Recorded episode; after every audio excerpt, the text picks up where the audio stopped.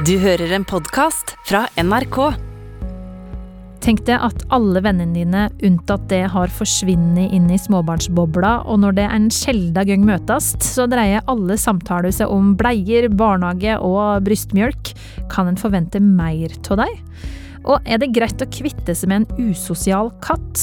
Det her det er etiske dilemmaer fra hverdagen som det som hører på har sendt inn til oss, og tre kloke folk med ulike syn på livet er klare for å gi råd. Jeg heter Kjersti Anderdal Bakken, og det her det er Etikketaten. Dager. Arman heter jeg. Jens heter jeg. Marianne heter jeg. Veldig trivelig. Veldig. Det er artig, det. Er du fra Snåsa? Nei, Ungdalen. Ungdalen. Nabobygda. Ikke sant? Ja. Panelet er alltid i gang med å plassere hverandre på norgeskartet. Marianne Meløy, skuespiller. Sist for mange sett som ei bakgårdskvinne i eh, Kristiania Magiske Tivoli Teater. Jeg liker, jeg liker tittelen du gir meg, bakgårdskvinne. Er ikke det fint? Det tror jeg er litt sant på ordentlig òg. Ja, er det det?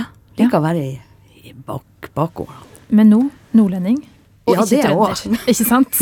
For det, den dialekta har du også på lager, men opprinnelig nordlending. Ja, og jeg er nordlending hele tida. Vestråling Ja, hele tida. viktig å presisere. Eller når jeg ikke spiller noe. Andre. Og Jens Kvernmo er her. eh, Mye sett på ekspedisjon i friluft. Gjerne med eh, tung sekk, skjegg, eh, hund. Generelt uflidd.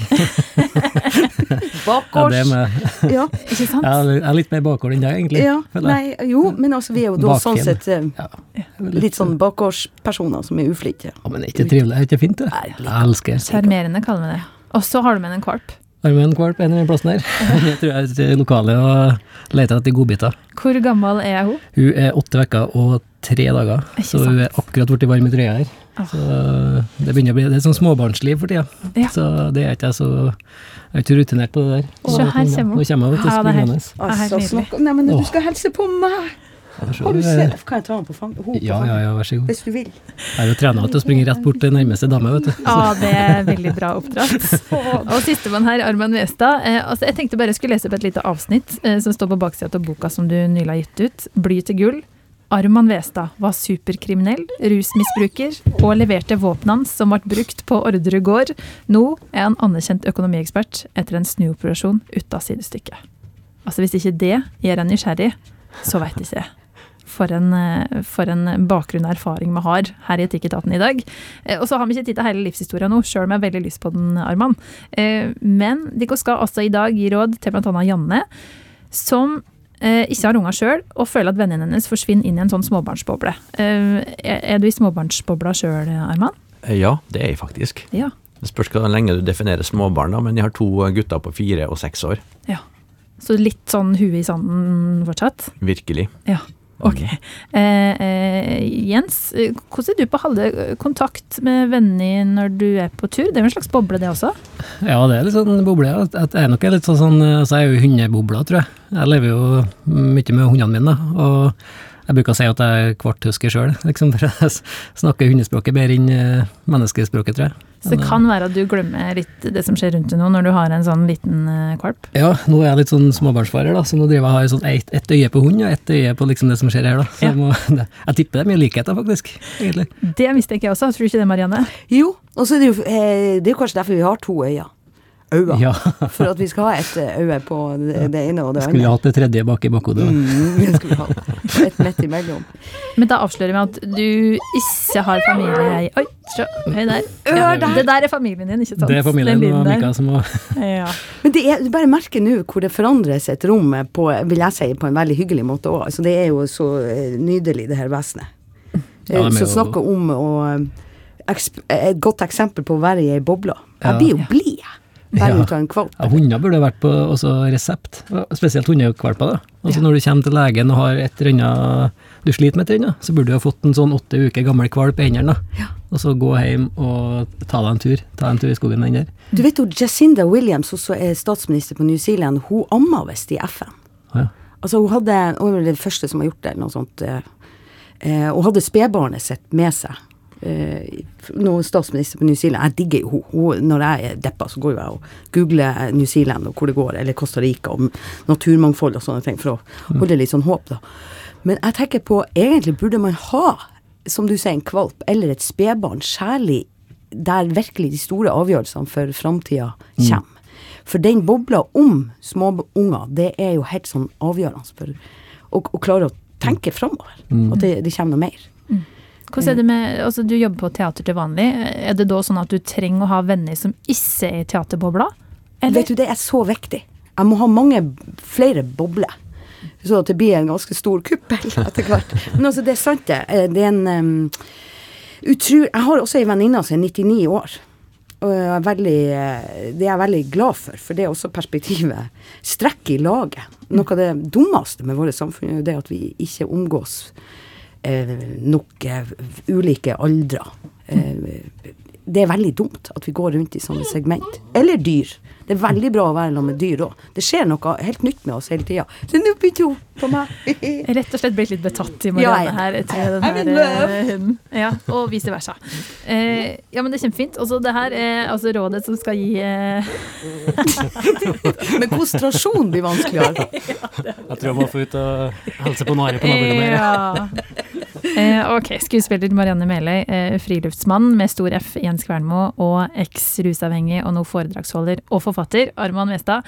Det her er gjengen som sitter i Etikketaten i dag, som skal altså diskutere eh, dilemma som det som hører på har sendt inn på e-post til oss. Etikketaten, krøllalfa, nrk.no, det er adressa. Og nå så skal det få lov til å diskutere dilemmaet som Gro har sendt inn, som har valgt å kutte kontakt med bror sin. Gro skriver på e-post til oss Hei, Etikketaten. Jeg har en bror som har rusa seg i over ti år. I mange år så har alt i livet mitt dreid seg om å hjelpe han om å bli rusfri, men ingenting hjelp. Jeg har levd i konstant beredskap. Alt har handla om å hjelpe han å redde kriser og være redd for at han skal dø. Det eneste som skjer, er at jeg glemmer meg sjøl og ikke klarer å leve mitt eget liv.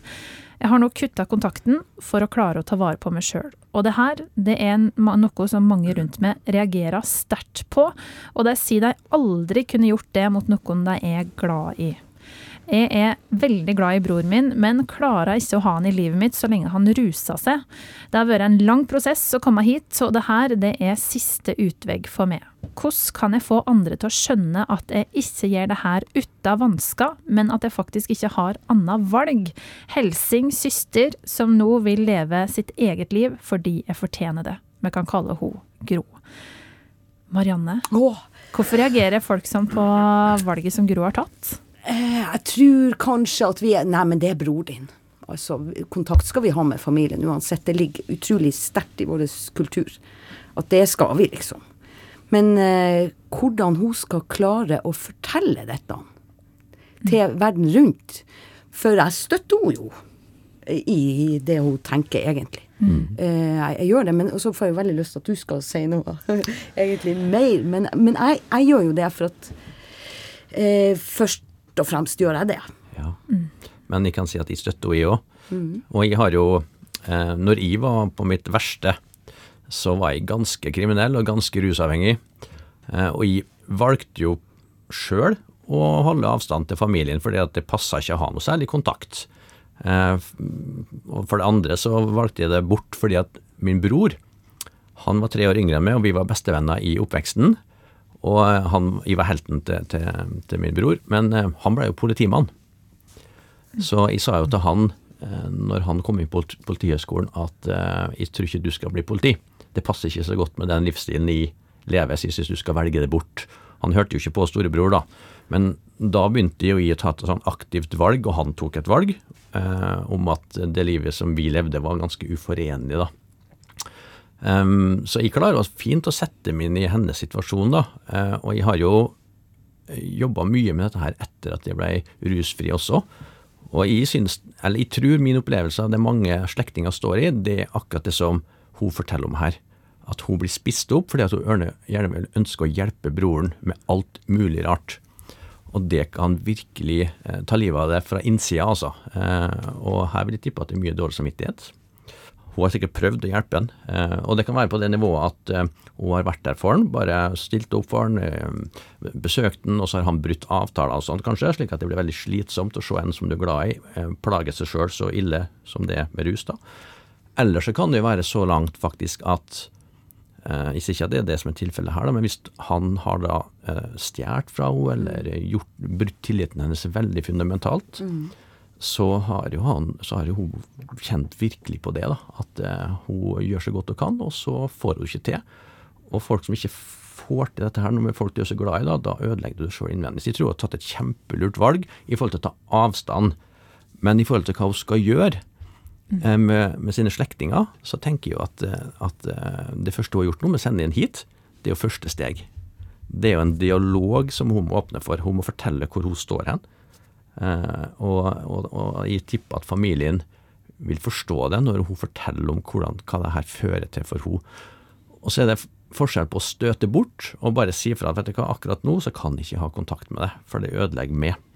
Men når du kommer tilbake igjen, så er jeg den som skal elske deg mest, som mest vare på deg. Men akkurat når du er sånn nå, så passer det ikke så godt sammen. Jeg har prøvd, det fungerte ikke. Så kan si at det her er midlertidig brudd til deg som reagerer på det. Kanskje det er noe som, som hjelper. Ja, det tror jeg. Og jeg hadde jo, min mor hun var jo alltid til stede. Eh, kom og besøkte meg i fengselet, til og med hadde brev besøksforbud og ikke fikk komme inn i fengselet. Så kom hun med mat og satt på trappa bortimot som en slags bakgård, da, nesten. Så fikk jeg brakt igjen det. Så hun støtta jo meg alltid. Men de andre rundt meg, det var ganske slitsomt å ha kontakt med meg, altså. Mm. så jeg skjønner godt at eh, at familien syns, eller at hun syns at det her er nok nå. Men det er viktig at noen i familien er der, tenker jeg. Eh, Det er lurt for han også. Som jeg har vært i kontakt med eh, organisasjonen Ivareta, eh, som er for folk som er berørt av andre sine utfordringer med rus og psykisk helse. Og de sier at mange søsken, særlig eh, damer, havna i en sånn mellomposisjon fordi de vil ha god kontakt med søsken som er rusavhengig, og foreldre Ja. som, eh, som også står eh, i det. Og det kan være en veldig vanskelig skvis. Eh, Jens, hva, tror du du hadde trengt å høre hvis du hadde møtt Gro for å få litt forståelse for valget hun har tatt? Nei, altså jeg skjønner jo her er jo et veldig vanskelig dilemma, og, og um, altså det å forlate en bror da, i en sånn situasjon, det er jo noe som strider mot all, alle instinkter i oss. da. Um, samtidig så må jeg jo være, være eh, også oppe sjøl for å kunne hjelpe noe. Så jeg tror nok jeg òg har gjort det rette valget da, med å bryte kontakten der. Men eh, altså det har vært så lite snakk om, og så har vi hørt mye sånn rusavhengige sine historier, da. Men vi har ikke hørt om pårørende sine historier. Så dette er jo kanskje et veldig sånn rett steg å gå for å fortelle så hvordan de som er pårørende faktisk har det. da. For det, er jo, det er jo kanskje enda mer krevende for dem. Altså minst like krevende da, for en nær pårørende som en uh, rusmisbruker, kanskje. Mm. eh, på det mentale planet, da. Så eh, Nei, veldig vanskelig. Jeg vet ikke hva du skulle ha Men hvis du liksom skylder på eh, seg sjøl framfor han, at det er, jeg klarer det ikke mer, så er det jo ingen som kan diskutere på det, Marianne. Nei, men jeg syns vi er inne på Du nevnte noe om på en måte roller i det. At man kan innta forskjellige posisjoner. At uh, kanskje noen ikke slår av handa, Ja. men for hun er det. Det må hun gjøre nå. Ja, for hun har prøvd nok, tenker jeg. Ja. Og så tror jeg det er viktig at familien tenker at det er veldig sjelden at familien kan ha en rehabiliterende effekt. Det må det andre andre nødt til å ta den rollen og prøve å få han til å sammen med han, for han må finne ut av det her sjøl, selv, selvfølgelig. Det, er- det er opplagt. opplagt. Og så er det jo noe som heter enabler, eller eh, hva vil man si på norsk, altså muliggjøre, eller altså du, er, du kan være med til og Ja. med å, å hjelpe folk å være, fortsette sitt rusmiddelliv Ja. som pårørende. Ja. Og så- eh, ja, og fortsette en dårlig dynamikk eh, på et vis. Sånn at jeg, jeg har sånn jeg liker så godt det der at man kan tenke at det, en flokk trenger ikke å ta samme valget, de er forskjellige individer, og Gro måtte gjøre dette. Og du spør om må hun ta ansvaret for, for den historien sjøl? Eh, eller hvordan du formulerte det. Det, det syns jeg er ganske sånn spennende si det. For at hun trenger ikke å gjøre seg sjøl til at 'jeg klarer ikke dette mer'. Jeg, jeg tror jeg, på en måte hun kan si at for meg er, det, er dette riktig, og det er ikke meninga at Anders nødvendigvis må tenke like sånn som meg om det. At vi kan innta forskjellige posisjoner på det. Sånn at ansvaret man tar for å bryte noe, bryte den rollen man har fått. Gro sin rolle som søstera som støtter på et vis bror sin, det er hun ferdig med. Hun trenger å være til stede når han kommer tilbake, for da trenger også han ei søster. Ja. Og da kan hun eh, trø til igjen, tenker jeg. Ja, for hvordan er det, Arman? Du sa at du brøyt kontakten med broren din. Er den tilbake nå? Ja, Ja. den er tilbake, og vi er veldig gode kompiser. Og vi deler jo mange altså felles interesser. eh, Vi liker de samme tingene og alt dette her nå, så det er ikke noe unaturlig at vi er gode venner nå, for vi brøt jo av kontakten, og det var kanskje litt av det eh, som var lurt, da. Fordi at nå har vi veldig, veldig god kontakt. Det har ikke vært noe svik imellom der, bortsett fra da han ble politi, da, selvfølgelig, som var et svik i mine øyne den gang da. Men, men det klarer jeg fint å se utafra at det var bra at han, at han blei, og veldig stolt over han. Eh, Så, men jeg tror igjen da, det er godt å si til familier at eh, mange tenker at de skal klare å, redde folk, og det klarer de ikke. Og sett fra en rusmisbrukers perspektiv, i hvert fall fra mitt perspektiv, da, eh, så vil enhver sånn oppfølging med å prøve å redde dem, bli opp, opplevd som ja, men du sier bare dette her fordi at du er familien min, du er pliktig til å si det. Jeg tror egentlig ikke på det, at du mener det. Så, så den, så den eh, kraften som egentlig en eh, omsorg og kjærlighet kan gi, da, hvis det kommer fra en annen person, det, det, det er mismatch der mellom en familie og en utenforstående. da. Så en familie må stort sett, tenker jeg, være støttende. Eh, og så tror jeg det er viktig med gode roller. altså at en det er bra hvis én person kan være sterk nok til å stå i den kontakten med bror til Gro, da, men det trenger ikke være Gro. Altså, det er jo en uh, situasjon som er veldig vanskelig å sette seg inn i. Er du ikke det enig i det, Jens? Å være pårørende til en som er rusmisbruker. Ja, og så har jeg aldri hatt noen Altså jeg har aldri sett rus i hele mitt liv. jeg. Altså Jo, i Canada så jeg, det var jo vanlig med sånn marihuana, men det var første gangen jeg har sett rusmiddel. Er det sant? Ja. Første I gangen. Ungdal, så du er vokst opp Ja, vi har litt sånn hjemmebrygg, da. Men det er jo, det vil jeg ikke si. Det er kanskje litt sånn broren din vil kanskje tenke at det er litt ulovlig, men eh, det er nærmeste vi kommer, eh, kommer eh, altså rusmidler da, i livet mitt. da. Aldri sett det. Og har ikke møtt noen som jeg tror har vært eh, rusa heller. Jo, det har jeg sikkert, da, uten at jeg har kanskje lagt merke til. Men aldri sett det. Aldri hatt noen rundt meg som har brukt det. Så Ja. for meg så er det veldig sånn Ja, det er veldig sånn Jeg klarer det er vanskelig å sette seg inn i, da. Men eh, Og det er det jo for folk som møter Gro også, men likevel så eh, dømmer en gjerne litt på det som du sa om og at det er veldig unaturlig å bryte kontakt med bror sin. Men nå, Gro, har du fått mange gode ord fra Etikketaten, og det er jo eh, fint å ta med seg, tenker jeg, som eh, Arman og eh, Marianne også sa, at det er ikke du som er rehabiliteringa, det er ikke familien som skal redde deg som er ute og kjører eh, i rusens eh, dype daler. Men eh, kontakten kan jo gjenoppstå. Det her kan være midlertidig, og det er så fint å høre det, Arman, som forteller om at eh, den her eh, forferdelige politibroren din har blitt en veldig fin bror igjen. Ja. Ja, så får- Forferdelig. Tross alt. Og så får vi håpe at, eh, at bror din, Gro, kommer tilbake på rett kjøl, og da skal du være der.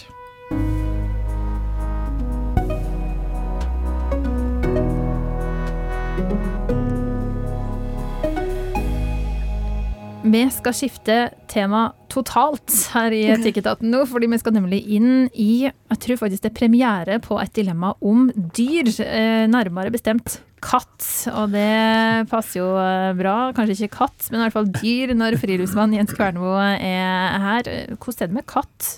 Nei, altså jeg har ikke mange katter. Jeg har hunder, så jeg har jo fire hunder nå, da. Ja. Som alle sammen Hvis det kommer ei katt nært liksom, huset mitt, da, eller eh, der jeg er, da, så gjør de alt de kan for å jage den bort. da.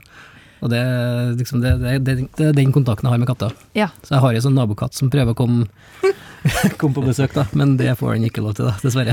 Okay, Selv om men, jeg er veldig glad i katter, også, men det, det passer liksom ikke inn i familien for tida. for det er liksom en eh, dyreperson, ikke bare hundeperson? Nei, jeg er glad i alle dyr, ja. Okay. Mm. Ja. Selv om det er mange, altså jeg er jeger, da, men det er mange som tror at jeg ikke liksom er glad i dyr, da. Men også er jeg kjempeglad i dyr, liksom. Klart Selv om jeg er Mm. jeger, da.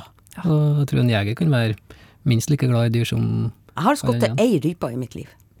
smakte den godt. Så jeg, ja, nei, jeg fant Altså, hun for jo ned i ur på fjellet, og da ble jeg så forbanna at det der, den rypa jeg skottet, den fikk jeg ikke tak i. Så det, jeg føler det har Nei. virkelig Så du hvor den landa, liksom? Absolutt. Nei. Og det var liksom i en sånn enormt juv. Jeg ville jo kanskje på en måte knekt noe, eller ikke funtes mer, hvis jeg, hvis jeg hadde gått og lett etter den. Ja. Eller, ja. Det skulle hatt en hund, at du skulle hatt med Det var akkurat det. Det var Altså, ikke hund med. Men, men, eh, men eh, det er klart du er glad i dyr. Eh, jeg er fra et småbruk. Nå spurte jo ikke du meg, men jeg bare sa det. Fortsett, Og eh, jaktfamilie og eh, mye dyr og, og sånn, så jeg er veldig glad for at vi får et dyredilemma. Men katt, hvordan er relasjonen din Så til katt? forferdelig glad i, eh, i katter. Ja. Enormt. Og, og hunder òg, etter hvert. Ja. I um, hvert fall nå, når man har en kvalp som tusler Ja, rundt. Du ser at produsenten springer rundt etter den her søte, søte typen som springer rundt. Eh, Arman Westad. Um, altså det er litt vanskelig å gi det en tittel, men ekskriminell og økonomiekspert. Det tenker jeg er en ganske unik eh, og fin tittel. Har du katt på toppen av det her, eller? Nei, ikke akkurat nå, men vi har hatt for noen år siden, og jeg vant til katt når jeg vokste opp, så for meg så har katt vært en del av tilværelsen. Eh, ikke mens jeg var kriminell egentlig, men, eh, men stort sett ellers. Ja, ok. Eh, Da får vi inn i det her kattedilemmaet som Thomas har sendt inn. Han skriver altså til etikketaten krøllalfa nrk.no. Hei, jeg står i et dilemma som får meg til å kjenne meg skikkelig kynisk, og jeg er spent på å høre om etikketaten er enig. He-he, skriver han. For to år siden så skaffa jeg meg katt. Jeg så for meg bøttevis med selskap, leik og kos, men det viste seg at Mons, som altså er navnet på katten, ikke var av den sosiale typen. Så i dag så lever jeg og Mons parallelle liv. Han er ikke interessert i klapp og kos, og kommer bare inn for å ete og søve. Ellers er han ute. Så mitt spørsmål er, hvorfor skal en ha katt som er usosial? Er det da greit å kvitte seg med katten? Siden jeg bor alene, så er det masse styr å skaffe kattepasser hver gang jeg skal reise vekk, og det frister med et kattefritt liv. Helsing Thomas. Hva, tenker du om det her? Jens, Jeg kan jo med kan jeg få lov å bamse Tarzan, så blir det fort et kattefritt liv. nei, det er ikke at de spiser opp deg, nei. oh, nei, okay, det- ok, ok. nei, nei, nei, nei, Jeg kan gjøre det òg i, en, eh, i noen situasjoner, men jeg har ikke sett det, da. Men uh, ja, tenker jeg det hørtes ut som en helt normal katt, egentlig. Altså, nå er ikke jeg så vant med katter, men er de, er de ikke litt sånn usosiale, og kommer de ikke og koser egentlig Jo. før de skal ha mat? De er litt Altså- forskjellige, dem òg, fra, person- fra menneske til menneske. Som vi er litt forskjellige. Det er ikke alle som er like kosete av oss heller, da. Men eh, absolutt. Katter har veldig personlighet. ja, de har jo Eh, det, altså. Ja. Og han har jo skaffa seg denne katten sjøl, så eh, kan han da bare kvitte seg med den når det ikke passer? Ja, nei. Nei, det, det, det jeg skjønner, vi skjønner dilemmaet her, da. Men, eh, og jeg klarer å relatere meg til det. For jeg vokste opp med katt, som sagt, og hadde massevis av kattunger eh, gjennom oppveksten. Og det var, de var veldig koselige og kosete. Så det var også det, derfor vi fikk katt når jeg ble voksen også. Når jeg møtte min kone nå, så fikk vi oss katt. Og gledde oss stort på å altså, få ta del i den den mælinga og alt dette her nå. Han på fanget og koser med, vet du hva, den katten var ikke bra, altså. Så at eh, denne her som skjedde med den, den kosa i 30 sekunder, og så tok en plutselig og skifta helt personlighet. Du Ja. skulle sett fingrene mine hvordan den så ut, den bare kunne hogge til. Og det her var jo før jeg fikk eh, unger, heldigvis. Eh, sånn at eh, jeg hadde ikke noe kos i hele tatt med den katten der, så jeg følte meg liksom litt snytt. Eh, og og den var ganske kampklar den hunden, nei, katten, og den var ute og slåss med alle kattene i nabolaget. Og jeg husker at de kunne stå opp midtsommers, for de var kattefight ute, og jeg for rundt i morgenkåpa mi i hekka og busker sånn, og prøvde å skille de her kattene. Jeg lurer på hva naboene tenkte når jeg sprang ut i den morgenkåpa en natt etter natt. Ikke så mange, da, men kanskje sju-åtte ganger. da. Så, så jeg har liksom fått min dose med en, si, en katt som ikke svarer til forventningene. da. Eh, Hva er enden på visa av den katten her, da? Nei, han døde etter en slåsskamp, faktisk. Ja, akkurat. Jeg får jo lyst til å snakke om kastraksjon og en del ting her. Ja, Eller bare innhente informasjon. For det høres ut som dette var en monse ja dette var en, dette var en, en med ballene i behold. Eh, Ja, jeg tror faktisk han var det. Det tror jeg absolutt, Ja. siden han var så veldig rasende. Ja, han var veldig sint. Skifta. Mm. ja, skifta fort personlighet, altså, det vil jeg si. Så um, jeg kunne tenke meg å si, eh, Thomas, at det, kan, det kunne jo vært verre, da. Eh, Han her er jo ganske nøytral, denne katten her. Han uh, holder seg i hvert fall inne, spiser og går ut og eh, gjør jo ingenting galt. Nei. Så Og gjør ingenting rett heller. Nei. Så Det det, er I Thomas sin verden, da. det, det, det er null poeng, da, men det kunne vært minuspoeng òg. Mhm. Sånn at eh, det kan jo hende at den i- i foreslår at den skal beholde en i, altså. Mm. Eh, og så kan den få en hel haug med karmapoeng, i hvert fall, når den da tenker at den gjorde, gjorde det beste den kunne. For han har jo tatt et ansvar her og ville ha katter. Jeg tenker jeg sånn generelt Når du får tak i et dyr, da, så har du jo Altså, du bør jo sette deg inn i livsløpet til katt og hund og sånn. Altså, de lever jo ganske lenge, da. Ja. Altså, det er ganske sånn stort valg, tenker jeg, når du velger å, å skaffe deg et dyr. Altså, det er ikke bare litt artig et par år, hvis du skal ha dem i 10-15 år, da. Kanskje 20 da, på en katt, jeg vet ikke hvor gamle de kan bli. Så det, jeg tenker han må liksom Det er litt med å stå i valget òg, Ja. tenker jeg. Og den katta er 15 år framover, så skal du, ja. skal skal du du være lammeledning ikke få kos av katta. men, Men det kan jo hende, hvis du trør altså Jeg har et begrep som jeg syns er ganske bra. Du skal trø i andres mokasiner for å få en opplevelse av hvordan du blir opplevd av den andre. da. Eh, og det kan hende du skal prøve å trø i kattens mokasiner og se hvordan du blir opplevd for katten. Det, kan, det kan jo hende at katten ikke liker det, rett og slett. Og, men at den da skal prøve å gjøre noen ting for å endre den her eh, relasjonen. da. Det bruker jeg å gjøre ofte med hunder. Så jeg tenker, eh, jeg bruker se for meg hvordan, har hundene det. Jeg bruker late som jeg er inni hodet til hundene. Hva er det de har behov, behov for nå, liksom? Er det trening, eller er det slappe av, eller er det tur eller mat, eller altså det kanskje funker sånn på katter, kanskje òg. At du ser for seg at du er katta, som Per og Surre. Hva er det du hva er det du egentlig trenger for å ha det bra? Og det kan hende at den her som plommer i eggen, den katten her nå. Det kan jo hende. Og så kan det jo hende at hvorfor fikk eh, Thomas katt i utgangspunktet? Altså, hva, er, hva var årsaken til at han fikk katt? Var det for at han skulle ha noe, noe koselig? Var det for at han savner venn, eller hva er, det, hva er det for noe? Kanskje han skal se etter andre typer ting som kan løse det samme behovet, da. Istedenfor som katten da tilsynelatende ikke får til. Ja, det er veldig masse å legge på katten hvis en skal erstatte manglende venner, Og så tenker jo han Thomas eh, Det var det han heter. Mm. Han tenker jo på katta som et middel. Det er jo problematisk eh, middel for hans kosebehov, på en måte. Og det er jo noe vanskelig med det her når vi tenker på dyr som midler, for eh, vi eter jo dyr. De er jo livsnæringsmidler for oss, og de er pelsen eller Altså, det, er en, det her er en etisk knute hele tida, hvordan vi ser på dyr. Og så må det gå ei grense i oss, på en måte. Og han er jo ute etter Akkurat som han Thomas skjønner det sjøl, for han sier at det er kanskje kynisk, he-he. Og ja, det er det. Det er kynisk. Så jeg syns jo at jeg er litt hard med han. Ja, Thomas, at men men skal- katta Du fikk den katta du fikk, og deal med det. Vi kan skjønne den litt, vi kan skjønne, ja, ja. men det er jo litt sånn når du har barn og får sette, dra det litt lenger. Da. Det er ikke slik at Nei, det funka ikke helt det her. Eh, Send det tilbake. Send det tilbake. Ja, jeg vil ikke være foreldrene Du blir oppsagt, på en måte, som, og som unge. Så det funker ikke det heller, da. Vi må liksom prøve å gjøre, gjøre det beste ut av det, sant. Og da er det ofte vi som må endre oss, da, eller få til ting til å funke, da. Med mindre katter eller hund er farlig eller er sjuk. Eller at du ikke klarer å Jeg tenker med en hund, da, så hvis du ikke klarer å oppfylle Altså fyller instinktene deres, da. Så de ikke får utløp for instinkter, da er det kanskje på tide å begynne å finne et annet hjem, da. Men ei sånn katt hørtes ut som hun hadde det egentlig ganske greit, da. Han gjorde egentlig det. Altså. Så da tenker jeg at det er ikke gyldig Det er ikke gyldig grunn til å kvitte seg med den heller. Men nå som du har fått. Ja, masse, og det er vi glad i. Ja. Karmapoeng, det er viktig i livet. Eh, men eh, Jens, du, nå som du har fått en helt uh, ny valp, henta den for noen dager siden. Mm. Eh, du vet jo ikke helt hvordan bor i den hunden fra før, Nei, men når du skal begynne å trene den. Nei, nei, nei, det er jo et helt nytt individ, og hunder er jo veldig individuelle. Eh, sikkert samme som med katter. Så det er jo spennende, da. Det er litt sånn, sikkert litt det samme som unger. Altså, du vet ikke riktig hvordan, hvordan det går.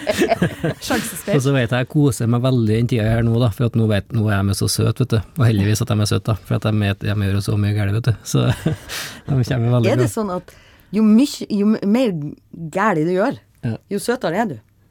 Nei, ikke til meg. Kanskje de må du, når du var kriminell. Nei, altså, jeg kan, jeg, kan, jeg kan jo relatere meg litt til det her da, for at jeg var en person som ikke så var, var så veldig lett å like, da. Ser du det? Ja, for jeg var Det er overraskende for. Ja, for de ser jo ikke akkurat kriminelle ut nå, Nei, men jeg, du- jeg, kan, jeg kan se, jeg kan få Nei, jeg er ikke noe redd. Jeg er ikke redd, nei. Nei. Nei, nei, jeg kan prøve en gang til Syns etterpå. du det er grusomt sjarmerende, sånn at jeg ikke skjønner. Nei, men så sett bilder av meg for noen år siden, så, så var det ikke så lett å like, da. Så det Nei, jeg, slår jo et slag for dem som ikke er så lett å like, da. Fordi at eh, hvis alle skal alle skal liksom se på dem med øyne som at nei, du er skummel eller du er farlig, det vil ikke ha noe med å gjøre, du er annerledes eller sånt, så, så utstråler jo det. Og det kan jo hende Thomas her utstråler nemlig at de ikke liker så godt det katten min. Akkurat. Og Olav Duun sa Jeg er blitt sånn der litter litteraturviter akkurat her. Jeg Ja, sitter ja, ja. ja. Man blir mest glad i trollungene, og det er jeg så glad i. Men kanskje man kan bli Jeg har vært mest glad i eh, Jeg hadde et lam. eh, da jeg var lita. Eh, Sissi. Men altså, jeg likte, ble veldig glad i de som var litt skada, eller ufsen, eller stugg, eller altså hadde et øre som sto en annen, eller litt sånn skabbete dyr. Man blir forferdelig glad i det, for ingen andre er glad i dem, på en eller annen måte. Eller noen sånne rare greier der. Jeg tenker jeg blir glad i hunder som er, har et, så mye individ. Altså, det er mye, liksom. Det er mye hunder. Ja. Da blir jeg glad i dem. Hvis at de har mye sånne egenskaper, mye sånn, de er litt sånn, sånn som valpen er veldig sånn tøff og litt sånn Da blir jeg jo fortere glad i dem. Personlighet, liksom. Personligheten, og det er en stor personlighet. Kanskje det er det som egentlig er problemet her. At den katta er bare litt sånn opererer i skyggene her nå. Ja. Og så han Thomas ser ikke så mye. Og det er ikke noe mye med for å ordne seg sjøl, og så blir ikke han kanskje får han ikke helt det forholdet. Ah. Kanskje at det er noe der, at han liksom ikke er Han må ned på gulvet. Kanskje han må følge henne ut. Ja. Han skal ligge i morgenkåpa i en heks, altså du, og leve livet sammen med Mons. Prøv i hvert fall for en dag eller to å se hvordan det er. Jeg stemmer Kanskje for hunder i senga, da, så det er liksom å ha katter i senga, kanskje. Det er det som er nøkkelen her nå. Å, katter. Å, de er så f Når det funker bra, det er Ja, når det funker, så er det bra. Ja. Og det kan jo hende at den eh, katten her, altså den er to år, det vil si midten til 20-åra, sånn i menneskeår, kan at den blir litt sånn eh, slår seg til ro, sant, etter kort, Ja. får litt mer eh, Litt ut på vift ennå, vet du, så det Ja. må, må liksom bikke 30 nå, så blir det Må gi det litt, gi den litt, gi den litt Så vil jeg faktisk ha eh, kanskje til og med prøvd å lekt litt. Altså helt sånn banale ting med trådsnelle og, og, og greier. Mm. Med, altså, jeg vet ikke om man gjør det. Eller gå all in i sånn YouTube-prosjekt med sånn kjempe sånn eh, berg-og-dal-baneaktig i hagen. Ja. Ja, bygge masse greier, gjøre litt mer ut av katten, utfordre den litt, kanskje, egentlig. Og lese Jakob Sande-diktet og tenke litt på det. Ikke sant. Gjør det også. Og så finnes det også dyreferdskonsulent, så det går jo an å eh, sjekke hva som eh, går an å gjøre med denne katta. Er den fortsatt liksom formbar for, eh, for Thomas? Ok, her Eller, er eller er det greit at den katta skal få leve sitt liv? Ok, altså her har du fått så mange kloke og eh, litt sånn ganske harde også eh, ord fra Etikketaten. Det høres ut som du har egentlig en ganske god mul mulighet til å bli kjent med verdiene dine. Fordi hvis du setter ordene dine i munnen på en seksåring som har fått en katt som sier kan vi ikke bare kvittes med den, den var kjedelig, så tror jeg kanskje du tenker annerledes rundt det her spørsmålet du har sendt eh, til oss, Thomas. Og hvis du eh, klarer å hente fram eh, dyreintuisjonen din, kan vi kalle det, Jens, der du liksom kjenner hvordan egentlig katten har det akkurat nå, kan jo se om det er noe å hente der. Og så må du bare være litt raus, må ikke det, med Mons. Gi litt tid. Kanskje slår han seg til ro etter kort.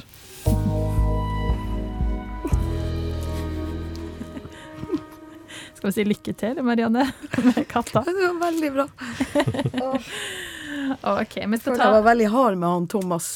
Ja. Ja. ja. Men eh, Jeg tenker det er bra i disse tider, så mange som skaffer seg dyr nå, at det, det er veldig viktig nå at vi setter en standard. Ja. For at det, det er ikke bare å kjøpe seg en hund eller en katt, og så bare ble det kjedelig, og så kvitter vi oss med den. Det er ikke lov, faktisk. Blir du provosert av det, Jens? Ja, litt. Ja. For det er ikke, du har ikke bare gått og henta deg en valp? Sånn Nei, altså, jeg er jo altså, jeg er klar over at jeg skal vie neste tolv årene til den hunden, så den skal ha så bra som mulig. Og det gleder jeg meg til òg. Vi skal ha veldig mye artig i dag. Dedikasjon. Ja, det er veldig fint. Ok, eh, byråkratene her i Etikketaten, vi skal altså eh, lukke e-posten vår litt. Eh, og så skal vi gå inn i Den hellige gral for Ja. å bli kjent med deres verdier. Eh, vi har jo blitt litt kjent med det allerede, men nå skal vi dykke enda dypere. Og i panelet her altså, så er det i dag Arman Westad, en mann med en god del greier i bagasjen, og nå er du foredragsholder og forfatter. Blant annet gitt ut bok om økonomi, ikke sant? Det var ja, første boka. Lommeboka het den. Ja. Å, artig. Og så er det Jens Kvernmoen, som mange har sett eh, med kamera ute i villmarka. Men du har også vært elitesoldat, sant? Ja, Elitesoldat vet jeg ikke om jeg skal kalle det, men jeg jobba i Forsvaret ja, som Ja. skarpskytter og vært i Afghanistan tre turer. Det er lite, ja. Mm. Det er elitesoldat. Er det beskytta tittel med å være elitesoldat? Nei, nei, men jeg liker ikke å kalle meg elitesoldat. Okay. Jeg var skarpskytter. Eh, Marianne Mæhler sitter med liksom oppsperra øyne Ja, her nå. jeg er fryktelig imponert over både økonomi og militært. Ja, er- Men jeg jeg føler meg trygg. men Marianne har skrevet Du har skrevet opera. Ja, jeg har skrevet opera. Det Ja. tre opera, tror jeg. En, En som heter Kommentarfeltet, en som handler om annen verdenskrig i Øst-Finnmark, og en som, om, som heter Krenket. Som handler litt om barnevern og sånt. Ja. Jeg er veldig glad i å skrive opera. Altså, for en gjeng. Det er så sammensatt, det panelet her eh, i dag. Og det gjør det bare enda mer eh, spennende å gi dere spørsmål. Og nå pleier vi egentlig å ha det sånn at dere skal trekke, men eh, her er det altså så pleksiglass-tungt at jeg tror jeg trekker, og så kaster en lapp over pleksiglasset. Eh, er ikke det veldig koronavennlig? Ja, veldig. Og nye tider, nye løsninger. Ikke sant. Jeg kaster over til armene først, jeg. OK? Oi. Landa han på gulvet til meg? Ja, ja. raust. OK. Hvor står det på lappen din? Ja, Vil du lese? ja, her står det Hvor er din hei, heilage stad? Ja. Hm. Det var Har du det? Ja, altså hva ligger i det spørsmålet der, da? Hvor- Hvilken plass liksom trekkes du til? Ja, da har jeg lyst til å svare egentlig flere ting, da. Jeg liker jo svært godt å springe og være ute i naturen. Så det å springe langs med sjøen, det syns jeg er helt fantastisk. Der finner i roa. Men jeg kan òg gå i kirka for å finne ro. Nå skulle, vi skulle nok ha gått litt oftere enn jeg kanskje gjør, men jeg finner en enorm ro når jeg først er der. Så de to der tror jeg kanskje er mine plasser hvor jeg finner eh, både ro og kreativitet. Når eh, oppsøker du kyrkja? Nei, det kan være i forbindelse med spesielt med høytid, men også ellers når jeg har en eh, har tider hvor kan være litt tunge. Eh, For å hente både inspirasjon og ro og høre på det som blir sagt der. Så fint å ha til med to hellige plasser i livet. Ja. Ja, det er nydelig. Fantastisk spørsmål. Ja. Wow. Alle Og svar, har- og jeg føler alle har sånn. Det er jo sikkert du òg. Ja, jeg vet akkurat hva som er hellig for meg. Det vet du òg, Jens. Kan hende vi har litt det samme. Kanskje, kanskje samme plass? Nei. Nei. Men kan, du ikke, kan du ikke la ballen ligge, ligge der? Marianne? Du, eh, hellig betyr jo at det er noe man ikke kan krenke. Hva er det jeg mener ikke skal tråkkes på? På et vis, da. Eller da jeg kjenner at det må dere aldri ødelegge. Det er hellig for meg. Det, det, altså, der har jeg ingen humor på en eller annen måte. En er, det, det er å ødelegge natur. Sånn at, eh, og arter og sånn. Så jeg har et par sånn hellige plasser på Melløya, den bitte lille øya jeg kommer fra i Vesterålen, så er det sånn strand der kommer Der det, nå begynner jeg gjøre stemme og sånn, for at det er Der åpner noe seg, noe sånn voldsomt. Og det er en sånn eh, katedral, da. Og eh, tanken på at noen, eh, når vi ødelegger for mye der, da har jeg ekte sånn natursorg. og økosorg som jeg driver og sliter med for tida. Så jeg kjenner at det er noe Det, det er mange rom nå i naturen som er Jeg, jeg går nå i en Nesten på en annen måte enn før. Sånn, med en sånn hellig Dette må dere aldri krenke. Det andre er barnelatter. Plasser der det finnes barne, ekte barnelatter, sånn som i Vresvik-låta av den der Karl Johan. Så hører du sånn unge på slutten som er sånn Så tenker jeg De plassene der det blir ødelagt, og det er ganske mange plasser der man sier til unger at det ikke Hysj, ikke flir, ikke Eller sorgen og krigen og grusomhetene gjør at det fins ingen barnelatter. Men der barneekte latter fins, det er hellig. Og det er min hellige plass. Og det er sjeldent. Jeg vil tro vi skal ut i naturen når du også tar oss med til din hellige plass, eh, Jens. Eller? Ja. Jeg har en sånn onkel har en sånn øh, altså, Det er hytte som en gammelonkelen min bygde på 50-tallet. Sånn lita sånn laftekoie langt inni Skal ikke jeg si nøyaktig hvor det er men det er langt inn i fjellet. da. Det er 15 km inn i fjellet. Du må gå liksom en lang, lang lang sånn fjelldal først, og så over et stort vann, og så kommer du til den plassen. Og der er ikke telefondekning. Og det er litt sånn nøkkelen her, tror jeg faktisk. da. For det er en sånn inni den hytta der, da. Jeg har jo bodd der flere perioder, og det er omtrent eneste plassen jeg finner sånn skikkelig djup ro. da. Altså der jeg, jeg kan være helt meg sjøl. Det er ikke, noe, ikke mulig å kontakte meg, det er ikke noe folk der. Ikke, det er veldig vanskelig å komme seg dit. Og der finner jeg en sånn eh, Det eneste plassen jeg finner sånn skikkelig djup indre ro, da. Og den plassen den skal jeg, må jeg beholde. da. Jeg husker jeg tok med en journalist dit en gang, og det var en kjempetabbe. da. Ja. Det var veldig dumt. Ingen skal trampe inn der. Nei, dit må han liksom, det er kun liksom nærmeste venner og familie. da. Hvor lenge kunne du vært der sammenhengen uh, uten å se folk? Ja, altså jeg bodde her tre måneder en gang uten å se Da fikk jeg besøk, da, et par ganger. Men bortsett fra det, da, så så ikke jeg noen andre mennesker oppi i fjellet her, da. Med en hund? Med hunder, ja. Ja. Alle hundene var med. Så Ja. jeg bodde der en vinter, da. Hvis jeg endrer spørsmålet til alene uten hund, da? Nei, jeg prøvde jo, det går ikke. Nei, ja, det er ikke, det er ikke Jeg har vært noen uker uten hund, men det, da er jeg Fem uker, tror jeg. Da Nå snakker du jo ikke høyt sikkert Jeg er ikke jeg. Jeg, altså, jeg har jo utvikla en sånn egenskap at jeg går rundt og, og prater med meg sjøl. Det er jeg tror det er en sånn underbevisst sånn sosial stimuli vi trenger. da. Så jeg, jeg går rundt når jeg er på lang tur. da. Det begynner, begynner etter noen uker. da. At jeg begynner å mumle og prate med meg sjøl. Så utvikler det seg til at jeg har samtaler med en fiktiv person. Ja. For at jeg prater om ting jeg interesserer meg for, eller lurer på, eller hva skal vi gjøre nå, og så skal vi, skal vi padle over, eller skal vi slå leir her, og sånn. Da kan jeg ha sånne samtaler. Vet du hvem den personen er, eller Ja, det kan være forandrer alt mulig rart. Altså folk jeg har møtt, eller eh, Ja, nei, det kan være Sånn som hvis jeg skulle hit nå, for eksempel, så kan jeg se for meg at jeg, hvis jeg satt alene på hytte, da, så kan jeg se for meg at jeg satt og diskuterte liksom noen etiske dilemmaer. da. jeg vet ikke om det er bra eller Jo, dårlig. det er Ja, kjempebra. det er kjempefint. Du øver jo i hodet. Ja, jeg gjør på et vis det. Og så med hundene, da. Prater veldig mye med hundene. da. Ja. Det liker jeg, da, for at jeg, jeg vinner alltid diskusjonen, liksom. Ja, ja. De, de kommer jo aldri de, de, Tror du, ja. Ja. ja, jeg vet hvordan det egentlig henger opp. Det er jo egentlig det, er dem som er sjefen. Det er faktisk det, altså. De bestemmer. De kommer med noen sånne fine øyne noen gang, og så bare ja. Ok, da, så er det Så jeg smelter det. Ja, det er helt dødløst. Det er sånn det skal være, tenker jeg. Det er hundene først. Altså, nå føler jeg at eh, det ene spørsmålet, det knakk jo liksom eh, verdikoden på alle. Nå har vi blitt så masse mer kjent. Mhm. Jeg, lurer jeg ser bort på produsenten. eh, Skal vi gå videre? Ja. Ja, jeg ble litt sånn satt ut, jeg. nesten. Det var innmari godt spørsmål. ja, det var kjempe, kjempefint. Og veldig Eh, fine svar, dere. Altså, eller, altså, det var veldig sånn Plutselig gikk man inn i et sånt lite rom. For egentlig så er jo gode samtaler Det er også et litt sånn hellig rom. Nei, men så fint. Eh, Bubbels, bubbels. Ja. Gud, hvor vi prate? prater! Nå hadde jeg tenkt å kaste liksom, lappa over pleksiglasset til alle, men jeg tror vi lar det bli med den ene fine lappen som Arman fikk, og som fikk eh, gå videre.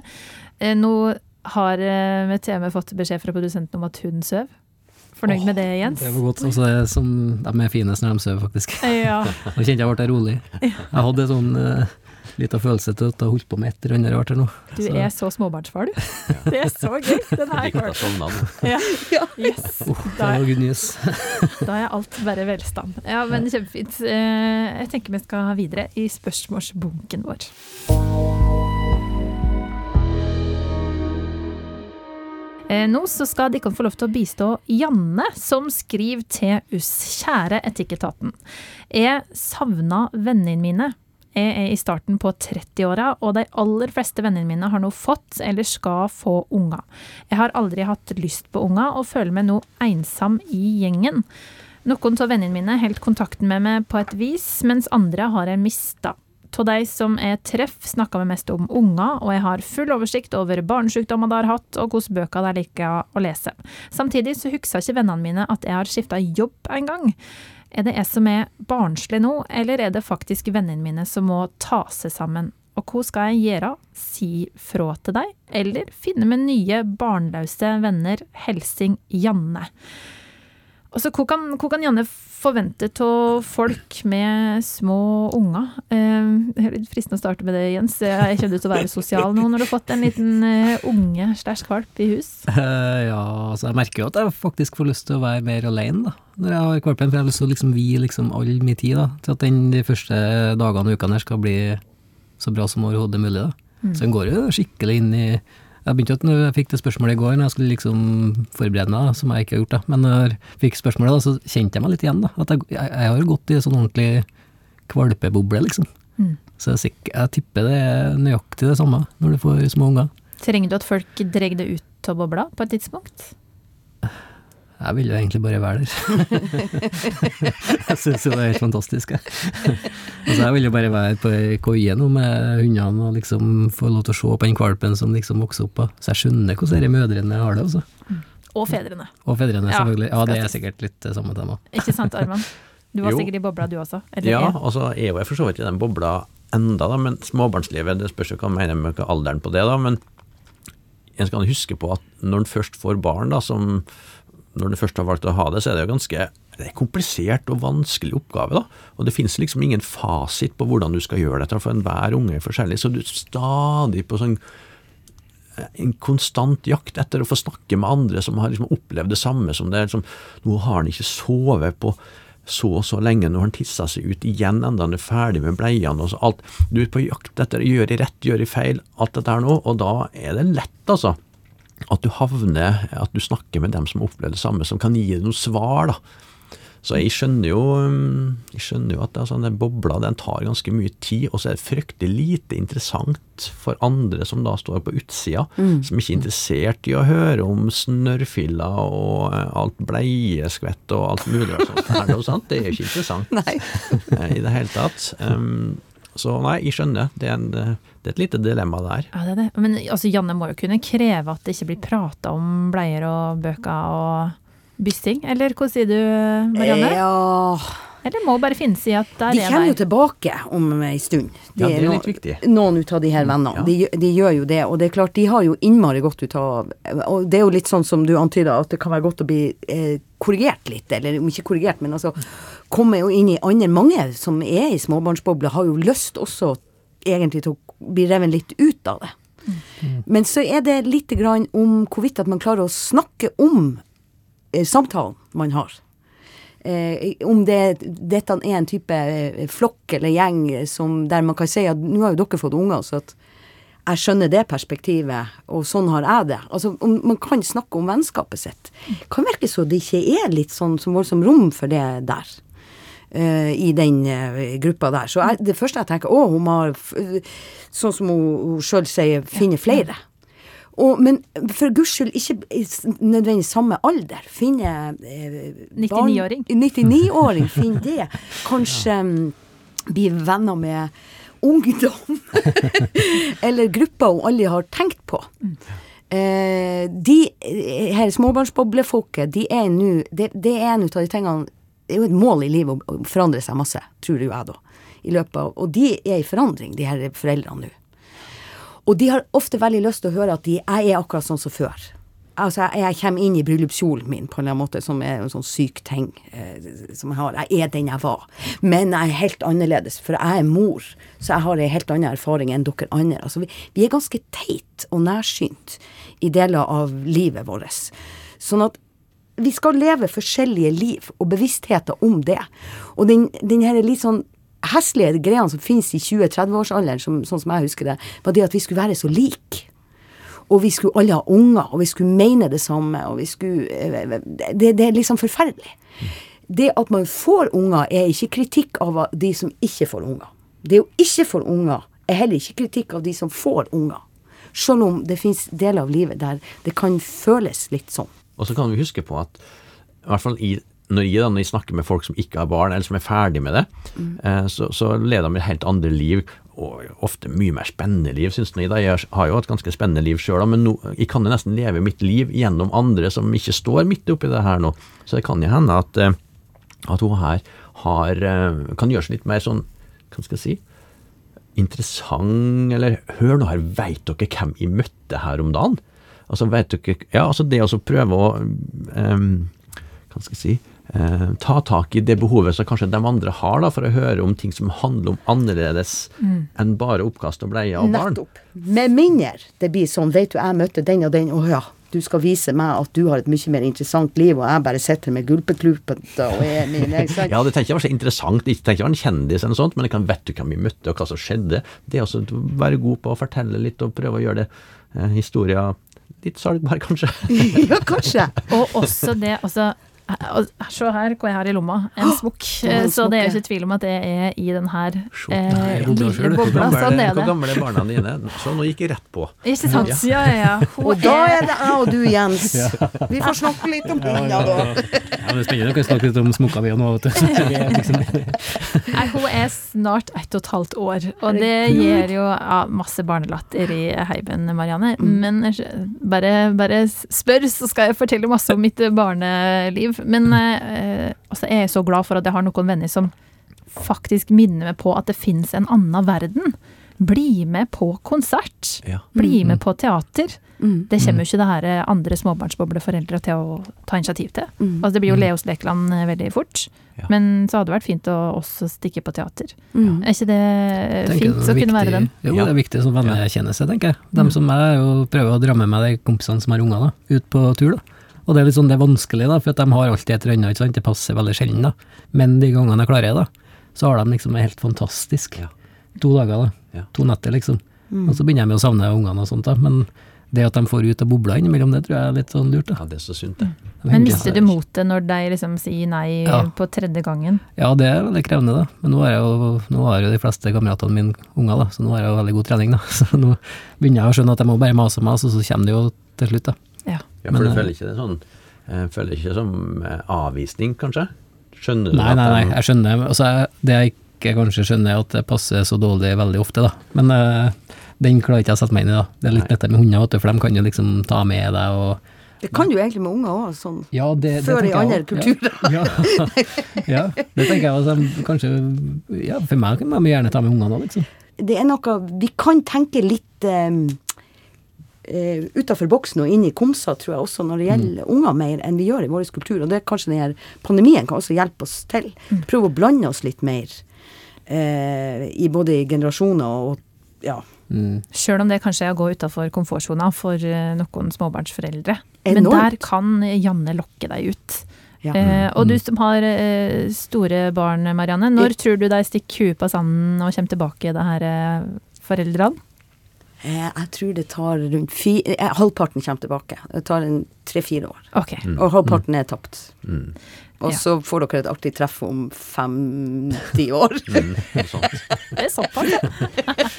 Ja, det tror jeg. Halvparten. Så mye hadde du, så mye ga jeg bort. Og sånn er, sånn er livet. Du skal ikke ha samme venner hele tida. Det er veldig viktig å bytte. Altså ikke bytte ut. Men du, du kan ha mange venner, men du må også få nye venner i løpet av livet. Og det betyr at du kan ikke ha alle vennene du hadde hele tida. Det går ikke an. Det blir, vi har ikke eh, span, eller hva det heter, nok til, til det. Men det er midlertidig og tror jeg, for en del av dem her. Men du vil naturlig nok eh, gro eh, fra hverandre også, vokse fra hverandre litt også. Det blir ikke alle. Og det er litt sånn som jeg kriminell også. Noen av eh, vennene eh, det, Altså, jeg bytta ut hele venneflokken, selvfølgelig. Hadde bare kriminelle venner, så var det begynne å komme tilbake igjen etterpå. Det var ganske Har du krevende. noen Jeg er så glad i da jeg var kriminell-setninga. Ja, ja. Jeg er så ja, jeg er ikke det nå. Jeg vet det, men, altså det, men har du bytta ut på en måte vennene dine to-tre ganger, da?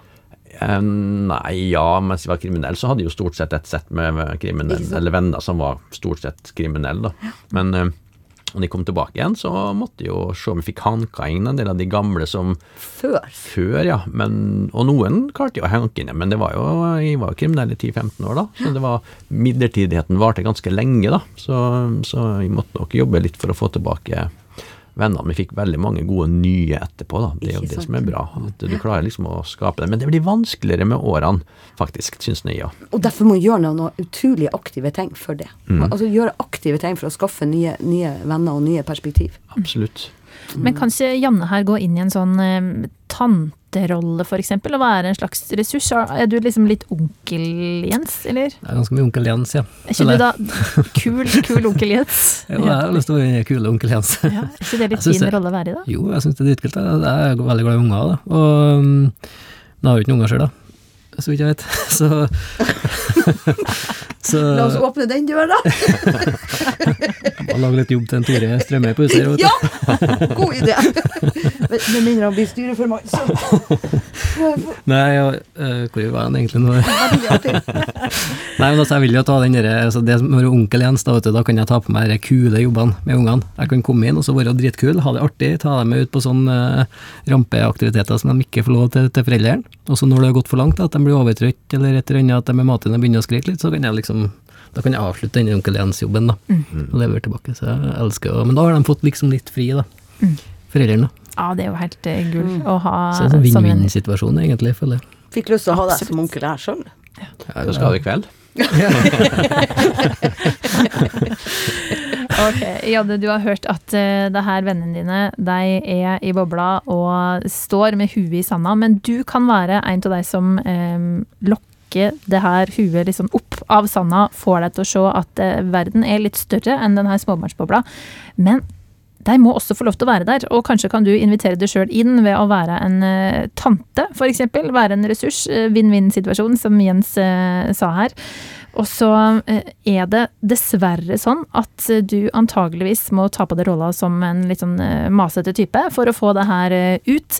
Men så setter jeg jo så stor pris på det. Nå føler jeg at jeg snakker for meg sjøl også. da. Ja. Det er veldig viktig å få småbarnsforeldre ut av bobla. Så vi ber kanskje om en del av det, Janne. Men eh, det kan bli så fint. Det er så fint å ha sånne som det i, i vennegjengen. Det er jeg helt, helt sikker på. Kanskje skal du også la deg inspirere av Marianne å få en eh, venn på 99, eller på eh, 23, eller eh, Vi har hatt Linn Skåber her i Etikketaten også, som har en gjeng med venner som er over 85. Og det får hun så masse ut av. Og da skal jeg love deg at det blir litt mindre prat om gulpeklut og smokka og amming og byssing og sånne greier. Men kanskje det ble, ja. Ja, det, ja. Kan være. Så circle of Litt som life. tisseposer og sånn. En friluftsmann, en skuespiller og en ekskriminell på rett kjør har utgjort Etikketaten her i dag. Jens Kvernmo, Marianne Meløy og Arman Westad, tusen hjertelig takk for at dere kom hit og delte av disse kloke tankene deres og erfaringene. Neste uke er vi tilbake med tre andre kloke folk som gir deg råd om hvordan du kan løse etiske dilemmaer fra hverdagen.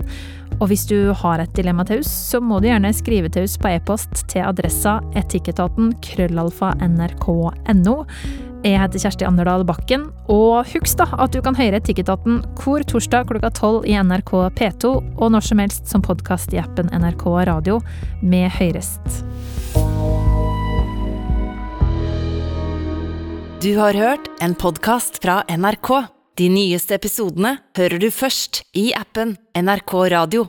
En podkast fra NRK. Tenk deg en by som har sin helt egen nasjonalsang. Det har med vår identitet å gjøre. Jeg er ikke fra Norge, jeg er fra Bergen, sier de. Og jeg elsker å være noe for seg sjøl. Bli med meg, Elise Farestveit, og finn ut hva som egentlig er greia med dette bergenske. Og hvordan har det blitt sånn? Podkasten Noe for seg sjøl hører du først i appen NRK Radio.